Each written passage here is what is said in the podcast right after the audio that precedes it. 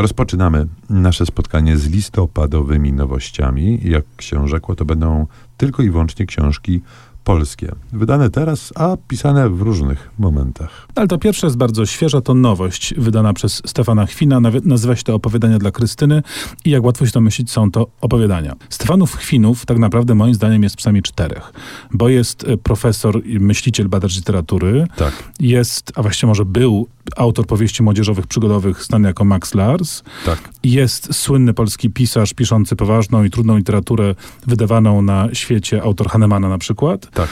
Ale jest też Stefan Chwin, który też jest pisarzem, ale takim bardziej satyryczno-dowcipnym, złośliwym i odnoszącym się do współczesności, którego ja bardzo lubię.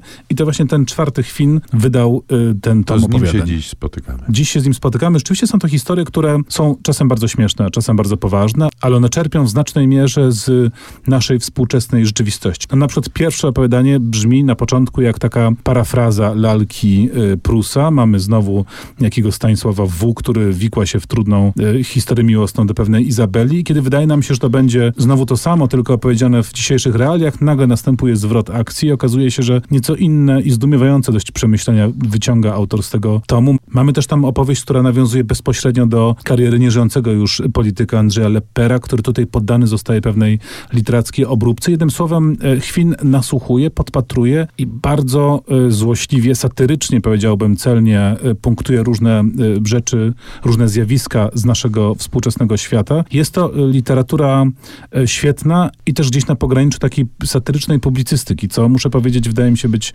no co, co mówiąc, dość pożądane w dzisiejszych y, trudnych czasach. Celnie punktuje również następny autor na naszej liście, mianowicie Stanisław e, Barańczak, no, który też miał wiele twarzy, bo miał twarz e, poety, tłumacza, profesora, ale profesora też przemawiającego do różnych audytoriów. Tablica z Macondo.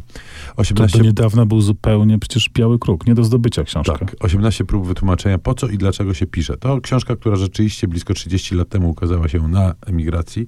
Wydana została w Londynie, no i od tamtego czasu pozostawała niedostępna, bądź bardzo umiarkowanie dostępna. W końcu dostajemy wznowienie tejże książki. Książka składa się z esejów o literaturze, najróżniejszych, na samym początku i na samym końcu, a więc taka klamra. To są dwa eseje, które Barańczak tak naprawdę poświęca samemu sobie, własnemu pisarstwu i powodom, e, które zmuszają go do pisania. Natomiast w środku są cztery cykle eseistyczne, no i jest tekst tytułowy, który jest tekstem bardzo mm, uroczym i bardzo fajnym i nawet dla tych z Państwa, którzy literaturą się w ogóle nie interesują, myślę, że należy należy po niego sięgnąć. Tablica z Macondo albo najkrótsza poetyka normatywna na użytek własny w sześciu literach bez znaków diakrytycznych z dygresjami motoryzacyjno-metafizycznymi. Trzeba powiedzieć, że im bardziej skomplikowany tytuł Barańczaka, tym przeważnie bardziej przystępny i uroczy ten, ten jego tekst. I tak jest w tym wypadku. Barańczak mianowicie kontempluje tablice, tak zwane vanity plates, czyli takie tablice rejestracyjne samochodów, które sam możesz sobie